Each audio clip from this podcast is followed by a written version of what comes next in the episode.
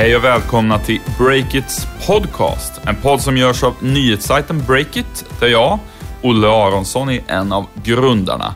Och med mig har jag min medgrundare, Stefan Lundell. Hur mår du? Jag mår okej, okay. jag är lite förkyld och sådär, men jag har tryckt i mig lite Alvedon, så nu är jag fit to fight för att göra den här eminenta podcasten som jag hoppas att det blir. Hur mår du själv? Jo, jag mår faktiskt ganska bra. I, I våras måste jag säga att jag tyckte att det var betydligt mer stress att vara entreprenör. Det kändes nästan lite ohanterligt. Men ohanterligt, var det så? Nej, men det var... Jag tror inte att det var ohanterligt, men det var en känsla av att liksom verkligen inte ha kontroll, som att det var van vid. Som, ja, som jag inte var van vid. Men nu känns det som att eh, man har, man har inte kontroll, men man har vant sig vid att det, det, det är lite grann så det är. Och, ja, det känns mycket lugnare. Och dessutom är det ju grymt kul att breaket går så bra med närmare 50 000 läsare nu, trots att vi bara har funnits eh, i ett halvår. Du, och vi går med vinst också, bara en sån sak bara alltid. en sån sak. Du, eh, vad ska vi ta upp idag, Stefan? Ja, eh, ingressen idag är att vi ska bland annat prata om YouTube-stjärnornas eh, försök att bryta sig från YouTube, som vi som vanligt har hårdvinklat lite grann i vår ingress. Eh, men det finns viss relevans i det. Sen har vi också lite nyheter kring Bonnierkoncernens eh, ganska omfattande digitala satsningar att bjuda på. Och så ska vi slutligen utröna vad det betyder att Klarna och iSettle, Sveriges två största fintechbolag, nu vill bli banker. Jag älskar när du droppar saker som jag inte vet om i, i podden, när det inte är manusstyrt. Underbart. underbart, ska bli spännande att få höra om det. Ja, ni har lätt att leverera på det här också.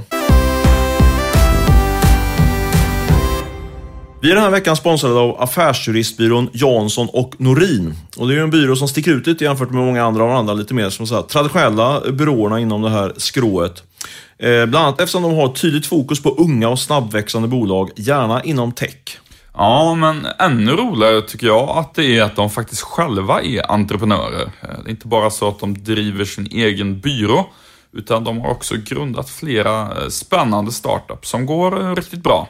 Ja, det känns verkligen som de har förståelse faktiskt, måste man säga, hur det är, hur det är att driva bolag och vara en entreprenör. Det kan jag intyga själv eftersom vi faktiskt anlitade Jansson och Norin i samband med att vi tog in lite pengar här i, i startskedet av vår resa som entreprenörer. Mm, det kan jag verkligen eh, instämma i och nu ska juristerna på Jansson och Norin regelbundet börja skriva sponsrade inlägg på breakit.se där de ger råd under vignetten Startup-juristerna. Så är det. Och första inlägg kommer publiceras nu på fredag eh, när den här podden kommer ut och det handlar om eh, personaloptioner, den texten. Yes, jag har redan läst det och det ger en rad eh, handfasta råd på hur man som entreprenör ska tänka när man utformar ett eh, optionsprogram. Just det, jag har också läst den och den var väldigt lärorik för att säga. Så in och läs den artikeln på breakit.se. Vi kan väl börja med att prata om YouTube-nätverken, som brukar kallas för framtidens TV-kanaler. Där har det hänt mycket senaste veckorna, framförallt vad gäller framgångsrika eh, vad de framgångsrika videoproducenterna gör utanför YouTube-plattformen kan man väl säga lite förenklat. Stefan, kan du som har bra koll på det där ge en summering av vad det är som har hänt? Ja, vi har ju rapporterat på vår sajt tre eh, hårda nyheter, mer eller mindre. Dels är det då vår egen YouTube-världsstjärna Pewdiepie som har dragit igång en egen spelapp. Eh, sen har eh, YouTube-nätverket Splay eh, dragit igång en ny satsning som heter Unicorn.me som i princip handlar om att man eh, erbjuder eh, YouTube-stjärnor en egen app. Och slutligen så är det då den stora mediekoncernen Bonnier som har pumpat in ännu mer pengar i YouTube-nätverket United Screens. Det är väl de tre heta nyheterna i ett koncentrat. Och vad drar du för eh, slutsatser av eh, de nyheterna? Ja, alltså, det, man kan, det som vi också skrivit om och som är intressant att notera det är att eh, de har fått en väldigt bra start, de här två första nyheterna som jag nämnde. Pewdiepie släppte ju sin eh, spelapp i fredags och det gjorde också Splay då via, alltså de släppte den första appen via unicorn.me som var I just want to be cool som är en humorgrupp kan man säga. Eh, en svensk humorgrupp och båda de har ju gått som raketer på iTunes topplistor. Eh, Pewdiepie eh, var ju den mest nedladdade appen på, jag tror det var ett 40-tal olika, i ett 40-tal olika länder tror jag. Eh, och det är ju en app som kostar pengar. Eh, så vi räknar ut att han har redan nu på ett par dagar dragit in ett antal miljoner kronor på sin app. Eh, I just want to be cool är ju en gratisapp då, men det är ändå en indikation på att eh, deras följare gillar att gillar dem så pass mycket att de eh, gör sig åbäket att ladda ner deras app och de har varit rätt aktiva i, i eh, appen. Så vad, din fråga var vad man ska för slutsats av detta. Min slutsats är väl att det här är liksom någon form av eh, säga, maktskifte som, som vi nu kan se i realtid. Där man tidigare kunnat konstatera att de här YouTube-stjärnorna eh, i och för sig tjänat en del pengar. Till exempel Pewdiepie tjänade ungefär 60 miljoner kronor förra året. Eh, men då är det, är han ju störst i världen, så egentligen är det väldigt lite, väldigt dåligt betalt han får för att han har så otroligt många som tittar på hans videos som man jämför till exempel med tv-reklam och liknande. Eh, men nu ser man då att han kan kapitalisera på ett helt annat sätt på sin följarskara. Jag tänkte precis på det, om vi räknar ut att det var några miljoner på bara några dagar, vad, vad kan man liksom tänka sig en en rimlig årsomsättning på att sälja en, en app, så som Pewdiepie gör nu. Alltså om man ska jämföra något med de här 60 miljoner kronorna han får in från YouTube på ett år. Ja, man kan, ju, man kan ju titta på I just want to be cool och eh, de som ligger på... Eh, Viggo Sörman gjorde en intervju med på Isplay som lanserar den här uh, apptjänsten då kan man säga. Och han sa det att uh, 5-10% kanske man kan få och ladda ner de här apparna, liksom de här super, superanvändarna eller superfansen kan man säga. 5-10% av YouTube-prenumeranterna då? Ja, exakt. Så ska man säga. Eh, bra du korrigerar mig där. Eh, men om man, om man överför det tänket, den ambitionen så att säga, på Pewdiepie så innebär det ju det att han skulle ha ungefär 4 miljoner nedladdningar av sin app av 50 spänn. Så där har du, bara där har du 200 miljoner kronor som han skulle tjäna på, på sin app. Sen ska han ju såklart dela det med lite andra, andra intressenter och så vidare. Och med, Apple bland annat. Med Apple och så vidare. Så, så, så, det, är inte, det är inte pengar rätt in i fickan. Men, men jag skulle säga att den här, bara den här delen utav hans nya liksom, utvidgade verksamhet kommer ju han kunna tjäna mer pengar på än han gör på, från YouTube. Liksom. Och det är ju är ju, eh, om den profetian slår in så är det ju ganska anmärkningsvärt faktiskt. Sen har han ju massa andra ben också som han håller på att utveckla nu. Till exempel ett spel och en bok var det väl tror jag som han har på gång. Men så, trenden är någonstans att YouTube-stjärnorna liksom kan bryta sig loss eh, från YouTube och ändå tjäna mycket pengar. Till och med mer pengar. Ja, alltså Youtube kan ju bli någon form av en, startpunkt för många utav de här stjärnorna tror jag, eller profilerna. Och sen så kan, man, kan de kapitalisera utanför Youtube-plattformen. För Youtube tar ju då ungefär 45% av eh, annonsintäkterna på som de här drar in då. Så det är ju väldigt stora avbränningar. Samtidigt som det är en väldigt bra såklart plattform att ehm, starta sin, eh, sin karriär i de sociala medierna på. Du, det låter lite grann som eh, framgångsrika affärsjournalister som, som bygger upp eh, nätverk och en karriär inom en stor mediekoncern och sen hoppar av och skapar en egen plattform. Eh, och apropå det, eh, Bonnier har ju investerat mer pengar i United Screens. Ja, det stämmer. Det var ju faktiskt först om att rapportera på breakit.se. Eh, det är så att United Screens, enligt våra källor, har varit ute på, på stan lite grann och letat, letat pengar och eventuellt nya ägare, men det visade sig att man behövde bara gå till, till de nuvarande ägarna Bonnier för att be om pengar. För de är nu på väg att gå in med ytterligare kapital i United Screens. Och pengarna ska användas för att expandera verksamheten eh, ytterligare. Hur eh, tolkar du det då att eh, Bonnier nu som ändå redan har stoppat in 25 miljoner. 20 miljoner. 20 miljoner. Eh, att de ändå är beredda att stoppa in, satsa mer på United Screens? Nej, den enkla förklaringen är väl att de tror på det här segmentet. Det är ju ändå något som växer väldigt fort. Eh, när jag, pratade, jag hade mejlkontakt med Stina Honkhammar Bergfors så sa hon ju att de räknar med mer än dubbla omsättningen i år och de tjänar pengar på månadsbasis redan. Så det, det håller ju på att lyfta även där. Så det är väl ett tecken i tiden. Eh, att eh, tunga medieaktörer som Bonnier då pumpar in eh, pengar i, i, den, i den nya, nya digitala världen. Vi har ju redan tidigare sett att MTG, en eh, konkurrent till, till Bonnierkoncernen som bland annat äger TV3 och Viasat. Eh, de har investerat tungt i Splay, gick in med 80 miljoner kronor här nu för ett par månader sedan tror jag det var. Så det är en, en generell trend bland stora etablerade medborgare att man, att man investerar i YouTube-nätverk bland annat.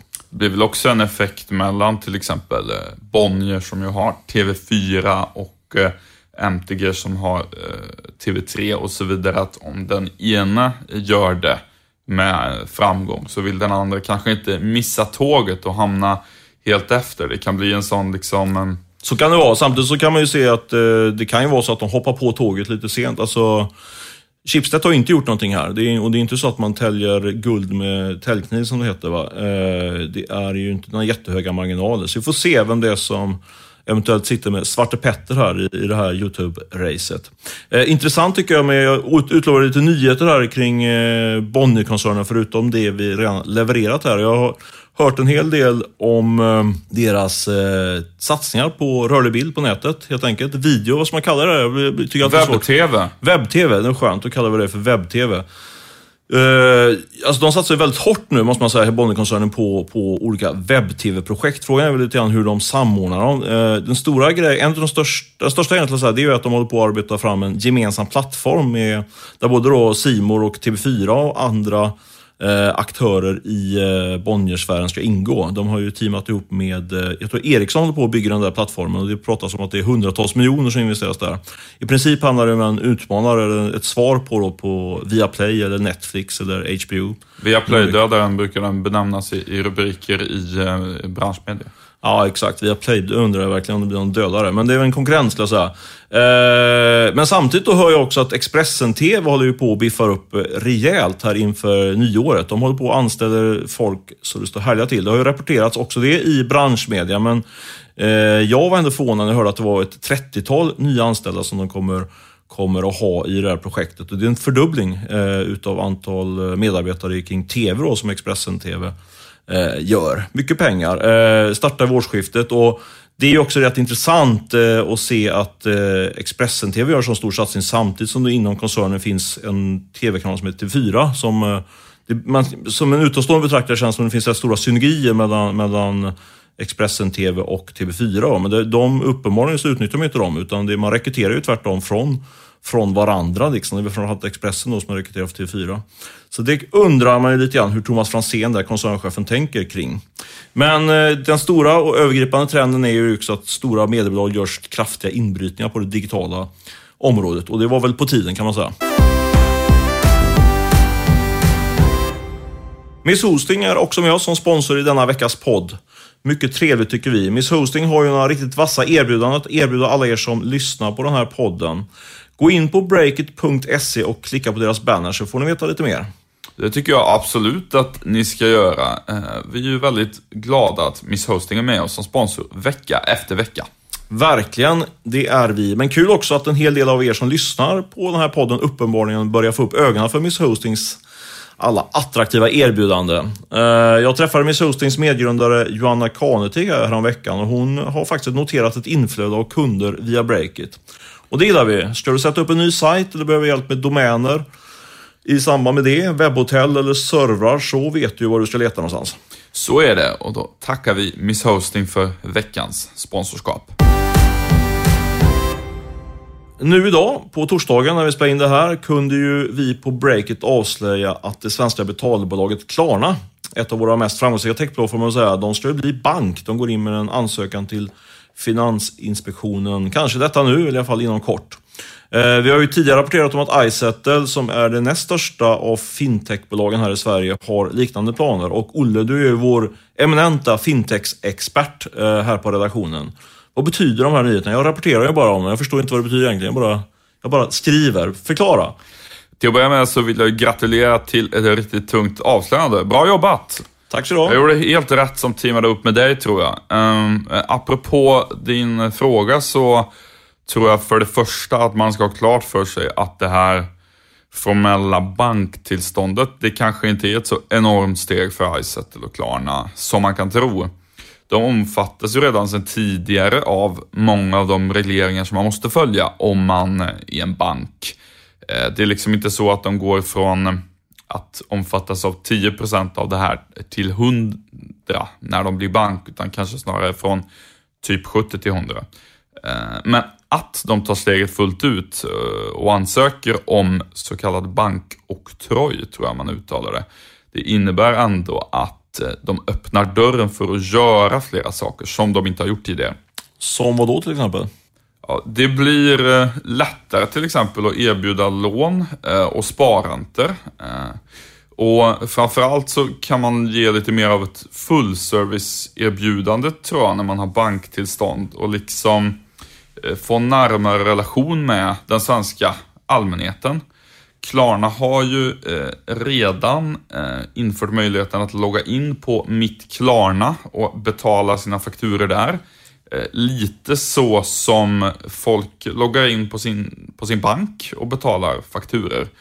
Och då tror jag att i och med att de redan har en digital miljö med en kundrelation så eh, och dessutom nu då eh, förmodligen snart ett banktillstånd så kommer det bli enklare för dem och jag tror de kommer göra det också, börja erbjuda andra saker. Det kan vara sparanter och fondsparande och allt möjligt. Och när man då börjar växa inom inlåning blir det förstås logiskt att också börja växa på, på utlåning. Jag tycker det är superintressant där. Vi har ju pratat länge om fintech eh, som en, en av de hetare segmenten, eller, eller hetare, en av de segmenten där digitaliseringen kan påverka mest. Och eh, vi hade ju i veckan en rapport från konsultfirman McKinsey eh, som pekar på att startups eh, kan tänkas, eller förväntas kapa åt sig uppåt mot eh, så mycket som två tredjedelar av bankernas vinster. Och det tror jag ligger en hel del i. Eh, om man tittar på på de stora bankerna har jag fått upp ögonen faktiskt på senare tid eh, kring att de har, sitter ju på stora teknikskulder som man kan kalla det. Alltså de har ju, är ju inlåsta i väldigt stora eh, komplexa system som kommer kosta väldigt mycket pengar och förändra. Uh, och det är inte så att det sitter, man, det är lätt att man pekar finger åt eh, uh, de storbankerna och säger att det finns inga innovativa människor där och det händer ingenting där. Men uh, förklaringen är ju att de, har ju inte, de är lite bakbundna helt enkelt. De kan ju inte gå in och röra de här systemen utan att det blir kaos där. och investeringskostnaderna är väldigt stora. Så där tror jag att Klarna har och andra aktörer som är lite mer snabbfotade har en, har en klar chans. Va, vad tror du? Är det, liksom, är det dags att börja blanka eller sälja sina bankaktier som en konsekvens av det här att eh, de här nya eh, heta startupbolagen kommer in och roffar åt sig alla vinsterna från storbankerna. Vad säger du? Som gammal börsreporter på Dagens Industri. Jag tror att det dröjer ett par år innan det här börjar märkas i bankernas eh, resultat. Det tar ju tid att till exempel kapa åt sig andelar på marknaden för företagslån, som jag tror att Izettle och Klarna till exempel kommer att rikta in sig på i och med att de har många företagskunder. Eh, vi har ju otroligt starka banker, eh, i varje fall i Sverige. Eh, det, är liksom, det tar ändå tid att rå på dem, även om de har, som du säger, en stor teknikskuld. Men jag tror väl någonstans att i, mm, i takt med att allt fler trogna gamla bankkunder dör, om man ska vara lite krass, och nya 90-talister med liksom ett mobilt digitalt beteende som grund, så ja, kommer ju den yngre konsumentgruppen eh, få ett större inflytande överlag och de kommer starta företag och så vidare. Och eh, då, då, tror jag att det kan ta fart i högre grad. Alltså den, demogra den demografiska förändringen driver på. Eh, och dessutom tror jag man ska komma ihåg att liksom, till skillnad från i många andra branscher där det redan är ganska tufft marginalmässigt, typ e-handeln, så är det här en bransch där eh, storbankerna gör alltså lite beroende på hur man räknar flera tusen kronor i vinst per svensk varje år. 10 000 hävdar Sebastian Semikovic där på något ja. seminarium va? Ja, men det, det beror ju lite grann på. Man, man kan räkna på lite olika sätt där. En del... En rund och bra summa. 10 000 per svensk. Nej, absolut. Men jag, jag stör mig faktiskt lite på just den här uträkningen. För okay. ibland, ibland, så tar man hela bankernas vinst och så delar man det med antalet svenskar och glömmer bort att bankerna har verksamhet i andra länder också. I, i synnerhet Nordea. Blir, det blir märkligt om man ska räkna på det sättet med dem till exempel. Men i vilket fall som helst så det handlar om väldigt höga summor och det säger någonting om hur dåligt konkurrensen fungerar och ja, hur mycket det finns eh, att ta av. Och den inte särskilt, den inte särskilt vågade gissningen är ju att eh, bankerna kommer tjäna mindre pengar och startupsen mer. Det är lite tidigt ändå att räkna ut storbankerna med andra ord. Ja, det, det tror jag absolut att det är. De har ju fortfarande en massa användbara egenskaper och stor kapacitet som startups inte alls har. Eh, det handlar ju dels om att de har bankerna då enorma staber som eh, håller på att jobba med att följa alla EU-regler. Det är ju så extremt viktigt med regelefterlevnad inom finans. Eh, om man inte följer det så kan eh, Finansinspektionen rycka tillståndet. Bankerna har ju kapacitet för att hantera stora obligationslån, bolånestockar, och ha dem på sin egen balansräkning. Och om man ska ha det så krävs det ju dessutom att man har eh, sån här väldigt god så kallad kapitaltäckning, alltså väldigt mycket pengar, en sorts säkerhetsbuffert i de egna valven.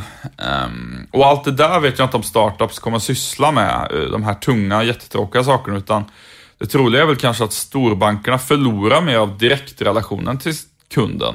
Och så tas den över av nya eh, aktörer snarare. Det är liksom, du kan ha du kan hantera dina betalningar med Swish och du kan kolla ditt kontoutdrag på Tink och du har ditt fondsparande i Wealthfront kanske, men eh, bankerna ligger kvar någonstans där bakom som en sorts eh, serviceorganisation som eh, hanterar alla de, de, de, de tunga grejerna där bakom. Det låter som sälj på storbankerna då på lång sikt. Ja, det får man nog säga. Du nämnde ju Swish där. Det är ju ändå ett initiativ från storbankerna själva som har blivit otroligt framgångsrikt, får man ju säga. Eh, halva befolkningen rapporterade vi om här precis, använder ju Swish. Och eh, nu kommer tjänsten dessutom att få stöd för e-handel. Uh, om jag fattar rätt så kommer man kunna betala med Swish när du till exempel köper kläder på nätet och förmodligen framöver även i fysisk butik. Det är något som jag själv ser fram emot. Jag är ivrig Swish-användare numera. Jag är väldigt sen på bollen men, men till sist har jag anammat Swish. Det är en fantastisk tjänst måste jag säga. Men om man vänder på det, skulle det inte kunna bli så att bankerna genom Swish, eh, som de ju äger, och utmanar Klarna och Izettle? Att det kan bli två, en, en effektiv Klarna och Izettle-dödare här, för att använda det, termen, den terminologin som vi brukar använda där. Vad säger du? Det är väl ett eh, tänkbart scenario. Eh, men jag tror att man inte ska göra en rak jämförelse mellan Swish och de stora betaltechbolagen. Eh, Swish är ju en betalmetod. Klarna till exempel har visserligen egna betalmetoder i form av fakturaköp, men precis som Paypal och andra stora aktörer i det här segmentet så är ju Klara mer, mer av en fullserviceleverantör eh, av betallösning. I deras tjänst så kan man ju betala med kort eller internetbank. Eller faktura. Klarna är liksom paraplyt som eh, själva betalmetoderna ligger under.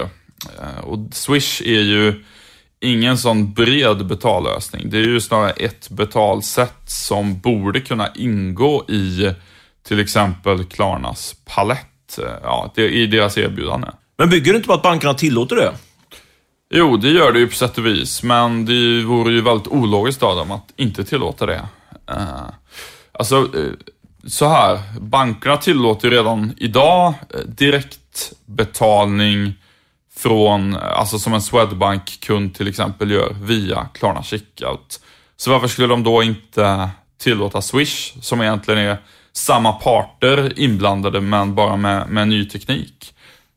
Och ur en e-handlares perspektiv, varför skulle man vilja ha en separat Swish-lösning och sen sitt Paypal eller Klarna-paket där alla lösningar finns med? Alltså, man vill ju ha en helhetslösning som inkluderar Swish istället för att Swish ligger vid sidan av. Det är jobbigt att sköta två, två lösningar samtidigt och dessutom så är e-handeln på väg att globaliseras och Swish är ju skapat av eh, bankerna här i, Skandinavien och, och Norden.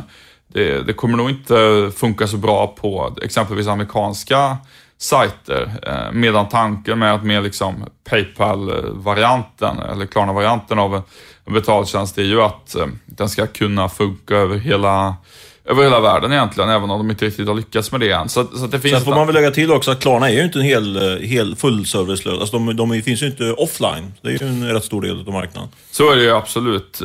Men det är ju i alla fall mer, alltså vad ska man säga, de har ju ambitionen att vara en fullservice lösning så att e-handlaren bara ska behöva ha en lösning oavsett hur kunden vill betala så att säga. Det finns alltid saker som, alltså, det, vill inte låta som någon PR-konsult för Klarna här på något sätt. Men jag tror, jag tror det är viktigt att liksom inte blanda ihop korten där. Att Swish är ett betalsätt, inte en komplett betallösning för, för, för e-handeln. Och det, det, det, ska man nog ha i åtanke. Talar om stark ställning. Eh, vi ska snart runda av här. men Man kan konstatera att eh, den här veckan fick ju fick ju, tvingades brukar vi säga på eh, ekonomi... Eh, på rubrikspråk. rubrikspråk eh, VDn för Qliro gå. Som heter så mycket som jag tappar namn på honom. Paul, Paul Fishbein. Just det. Han skulle ju starta, det var vi första rapporterade om, en Klarna-dödare, men han fick aldrig riktigt fart på det där, eh, det där betalsystemet. Det är ju inte klart än, men, men menar, det är, i min värld tycker jag faktiskt att Klarnas eh, ställning har, har stärkts de sista 12-24 månaderna. Det, de ser, känns som att de har en väldigt stark produkt. Det är inte så lätt att bara komma in och, och brotta ner dem och, och, ta deras marknadsandel, i alla fall på den svenska marknaden. Men vi får se. Vi följer det här i, med stor spänning. Eh, det är som sagt dags att avsluta den här podden just nu och vi ska innan vi avslutar den tacka Miss Hosting och Jansson och Norins för att ni har sponsrat den här podden. Det känns ju riktigt roligt såklart. Eh, fortsätt och surfa in på breakit.se för att få de bästa nyheterna från branschen och vi ska också säga att avsnittet spelas in och klipptes av Beppo ljudproduktion. Och ansvarig utgivare, det var du det, Olle Aronsson. Så är det. Eh, vi hörs nästa vecka. Hej då! Hej då!